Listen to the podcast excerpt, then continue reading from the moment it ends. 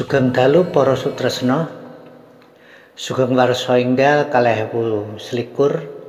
Mugi ing warsa enggal menika kita sabrayat tansah rinumat lan pinaringan berkah saking Yang Rama. Semanten ugi ing dalu menika kula Basuki Puspa Putra badhe sesarengan panjenengan sami ngraos-ngraosaken saperangan kitab suci ngupadi tulodo saking perangan menika sarta ngecakaken tulido menika wonten ing gesang kita sadinten-dinten. Mugi Gusti Rama kaswargan kepareng paring tentrem lan padanging manah. Satemah kita saged mangertosi kersanipun Gusti linantar pamaosing perangan menika.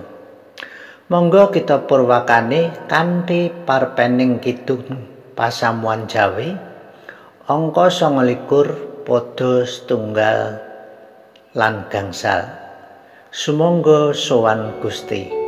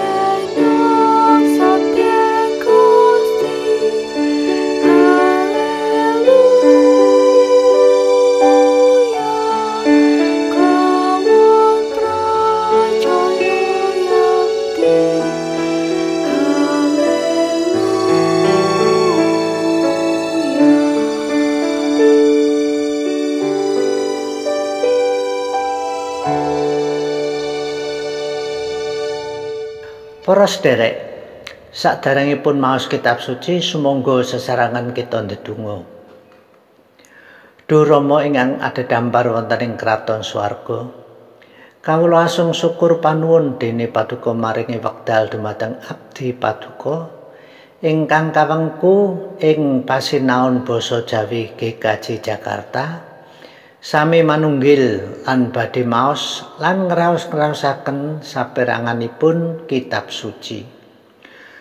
Mugi paduka piyambak ingkang bikak manah kawula lan paring pepadang satemah kawula sami ingkang mirangaken lan langkung-langkung ingkang nelakaken saged mangertosi kersa paduka. Wonten ing asmanipun Gusti Yesus Kristus. Kawula unjukaken pandonga menika. Amin. Maosan kitab suci ing dalu menika saking Matius bab sekawan ayat setunggal dumugi sedoso.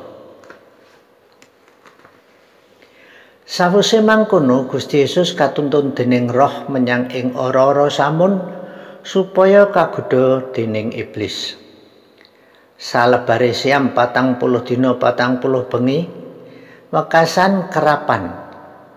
Juru panggodha banjur sowan ing ngarsane sarta munjuk mengkene. Menawi panjenengan putraning Allah, sumangga sela-sela menika panjenengan sabdaaken dados roti. Nanging Gusti Yesus paring wangsulan pangandikane, ana tulisan mangkene uripe manungsa iku ora mung saka roti wae nanging saka sakabehing sabda kang miyos saka ing lisaning Allah Iblis tumuli nggawa Gusti Yesus menyang ing kutha suci lan dijumenengake ana ing dhuwur payone padaleman suci. Banjur munjuk mangkene. Menawi panjenengan putraning Allah. Sumangga kula aturi anjlok mangandhap awit wonten seratan mekaten. Pangeran bakal ndhawuhi para malaikate tumrap sira sarta sira bakal ditadhahi ing tangan supaya sikilira ora nganti kesandung ing watu. Pangandikane Gusti Yesus ana maneh tulisan mengkene sira aja nyoba pangeran Allahira Gusti Yesus banjur digawa iblis maneh munggah ing gunung kang dhuwur banget lan diaturi mirsani saking krajaning donya dalasan kamulyane nuli munjuk mengkene. Menika sedaya badhe kula caosaken dhateng panjenengan anggripun panjenengan sumungkem sujud dhateng kula ing kono Gusti Yesus banjur ngendika marang iblis wis lunga setan. Sebab ana tulisan mangkene Pangeran Allahira kang kudu sira sembah lan panjenengane piyambak kang kudu sira abektani mekaten sabdanipun Gusti. Para sederek kinasih Gusti Menawi watawis kalih minggu kepengker kita mangayu bagya wiyosipun Gusti Yesus samangke kita badhe ngraos-ngraosaken satunggaling kedadosan wigati ing wekdal sak sampunipun Gusti miyos nanging sak derengipun Gusti Yesus makaryo kados ingkang sampun kita waos kala wau. Wonten ing perangan kitab suci menika Gusti Yesus dipun cobi utawi godha dening iblis ing bab tigang perkawis. Ingkang sepindah perkawis tatedan. Gusti Yesus ingkang kerapan sak bibaripun siam kawandosa dinten lan dalu dipun iming-imingi roti dening iblis. Nanging Gusti paring wangsulan bilih tiang gesang menika mboten namung saking roti kemawon nanging saking sedaya sabda kang miyos saking lisanipun Allah. Perkawis nomor kalih inggih menika bab kawilujengan. Bab menika Gusti Yesus paring pangandika bilih. Sira aja nyoba pangeran Allahira. Bab utawi perkawis ingkang tiga inggih bab pangawaos kadonyan. Iblis badhe nyaosaken sedaya kerajaan ing donya dalasan kamulyanipun dumateng Gusti Yesus kanthi janggelan utawi syarat bilih Gusti kedah sungkem lan sujud dumateng iblis. Gusti Yesus boten namung nundung si iblis nanging ugi paring penget bilih kita kedah caos sembah lan bekti namung dumateng Allah kita sawiji. Saking tigang perkawis menika kita saged anyinau lan anulodo watak pitados pangandelipun Gusti Yesus dumateng Gusti Allah Sang Rama inggih menika ingkang sepindah Gusti Yesus mangertosi sanget sedaya perangan kitab Taurat. Dawuh wangsulanipun Gusti Yesus ingkang kasebat ing Injil Punika sanyatanipun ugi dawuh pangandikanipun Pangeran Yehuwa dumateng Nabi Musa kados ingkang kasrat wonten ing pangandaring Toret. Bab 8 pasal 3 bab 6 pasal 16 lan bab 6 pasal 13 Sumangga mangke dipun pirsani sesampan sesampunipun patunggilan menika paripurna. Engkang nomor kalih Gusti Yesus kukuh utawi kiat lan sentosa pangandelipun dumateng Sang Rama Gusti Allah. Boten lingsir pangandelipun sinaosa dipun iming-imingi utawi dipun godha dening iblis. Para pitados kagunanipun Gusti mlebet ing warsa enggal 2021 menika lan mbok menawi ngantos satengahing taun menika kita taksih ngadepi sawetawis perkawis ingkang sinambetan kalian pagebluk COVID-19 utawi corona virus disease 19 antawisipun bab kasarasan bab sosial ekonomi lan bab pengandel. Klebet bab kasarajan injih raos miris mirsani kathahipun kurban. Ugi raos ajrih kuatos menawi ketaman. Bab sosial menika umpaminipun injih wontenipun watesan dumateng kita ing babagan sesrawungan, kekempalan lan nyambut damel. Watesan menika anjalari raos sumpek ing manah. Salajengipun watesan kasebat ugi anjalari kirangipun tiang sesadian. Dol tinuku rendet utawi tutupipun pabrik-pabrik. PHK utawi pemutusan hubungan kerja utawi cutelipun sesambetan pedamelan ingkang wekasanipun damel kirangipun pamedaling tiang salajengipun kathahipun raos ingkang ngirangi ketentraman menika menawi mboten dipun usadani dipun kuwatosaken saged ngerus pangandel kita dumateng Gusti Allah. Para sederek patunggilanipun pasinaon basa Jawi GKJ Jakarta. Kunjuk syukur dumateng Gusti Yesus ingkang sampun paring tulodo bilih menapa kemawon pacoban saking iblis. Watak pitados pangandelipun Gusti Yesus dhumateng Gusti Allah Sang Rama tansah kukuh utawi kiat lan sentosa. Para sederek, pacoban dumateng kita samangke harupi raos miris, raos ajrih, raos sumpek ing manah, kirangipun pamedal lan sanes-sanesipun. Raos menika menawi boten dipun usadani saged ngerus pangandel kita dumateng Gusti. Monggo kita usadani kanthi anulodo watekipun Gusti Yesus. Kukuh utawi kiat lan sentosa piandelipun kita dumateng Allah Sang Rama. Langkung malih Gusti Yesus sampun paring pangandika ingkang adamel tentrem. Aku tansah nunggal karo kowe nganti temeka ing wekasane jaman. Sumangga kita ndedonga Rama kawula kanthi ngrepekaken miturut versinipun Gurga.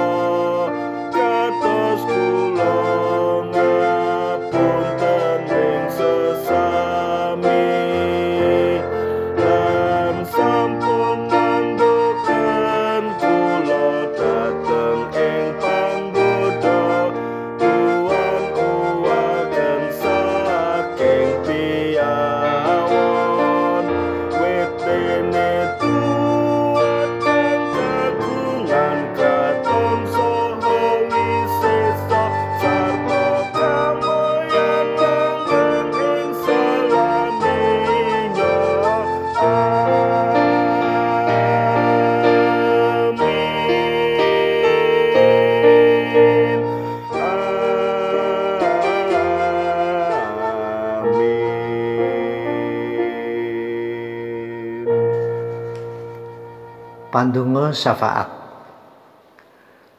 Duh Rama kawula ingkang maha asih. Kawula ngaturaken panyuwun ingkang sinambetan kalian dereng leremipun pandemi Covid-19 ingkang sampun langkung saking sedasa wulan ngrisak gesang kawula sami. Mboten namung babagan kasarasan utawi kesehatan. Ananging ugi ngombro-ombro ngrisak perkawis sosial, ekonomi lan pangandel kawula. Rama dumugi samangke taksih kathah sederek-sederek kawula ingkang boten nglampahi protokol kesehatan. Satemah adamel tambahipun tiang ingkang ketaman COVID-19. Mugi paduka piyambak nuntun sederek-sederek kawula sami nglampahaken protokol kesehatan menika. Taksih babagan kasarasan. Kawula nyuwun mugi Gusti nuntun para sedherek ingkang kajibah nyawisaken vaksinasi COVID-19 supados vaksinasi saged kalampahan kanthi leres pas ing wekdal lan lesan utawi sasaran. Semanten ugi kawula ndedonga tumrap bangsa Indonesia. Asia. Rama mugi kepareng-paring tuntunan dumateng para pangagenging negari supados nglampahaken kawicaksanan lan rerigen. Tuwin dipun sengkuyung dening warga. Satemah sadayanipun anjalari pulihipun kawontenan sosial ekonomi sarta keamanan. Duh Rama kasuwargan kawula njendedonga tumrap gereja-gereja ing pundi-pundi panggenan mliginipun GKJ Jakarta ngaturaken gunging panuwun dene sinaosa salebeting pandemi ingkang taksih kelampahan. Para pelados paduka sagetaken nyawisaken paladosan pahargian mangsa riyaya Natal kalampahan kanthi prayogi. Salajengipun kawula tansah pitados bilih ing taun kalih ewu selikur menika Rama piyambak ingkang badhe nuntun lan angayomi lampah kawula sami. Satemah pangandel kawula kukuh kados ingkang dipun tingalaken dening Gusti Yesus rikala piyambakipun dipun godha dening iblis. Wonten ing sih palimirma paduka pandonga syafaat menika kawula aturaken.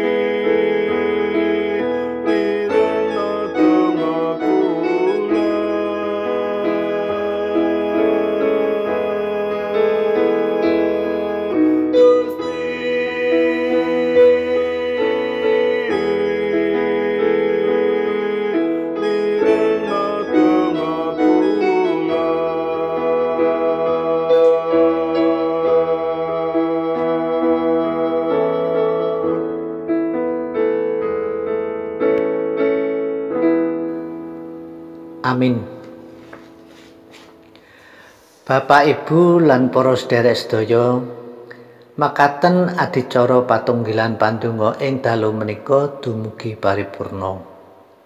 Wasana kula ngaturaken sugeng dalu, sugeng aso, sugeng sare lan sugeng pinanggih malih ing dal tandhaipun. Mugi Gusti kasuwargan tansah paring pangrumat dumateng kita sami. Nuwun, nuwun, matur nuwun.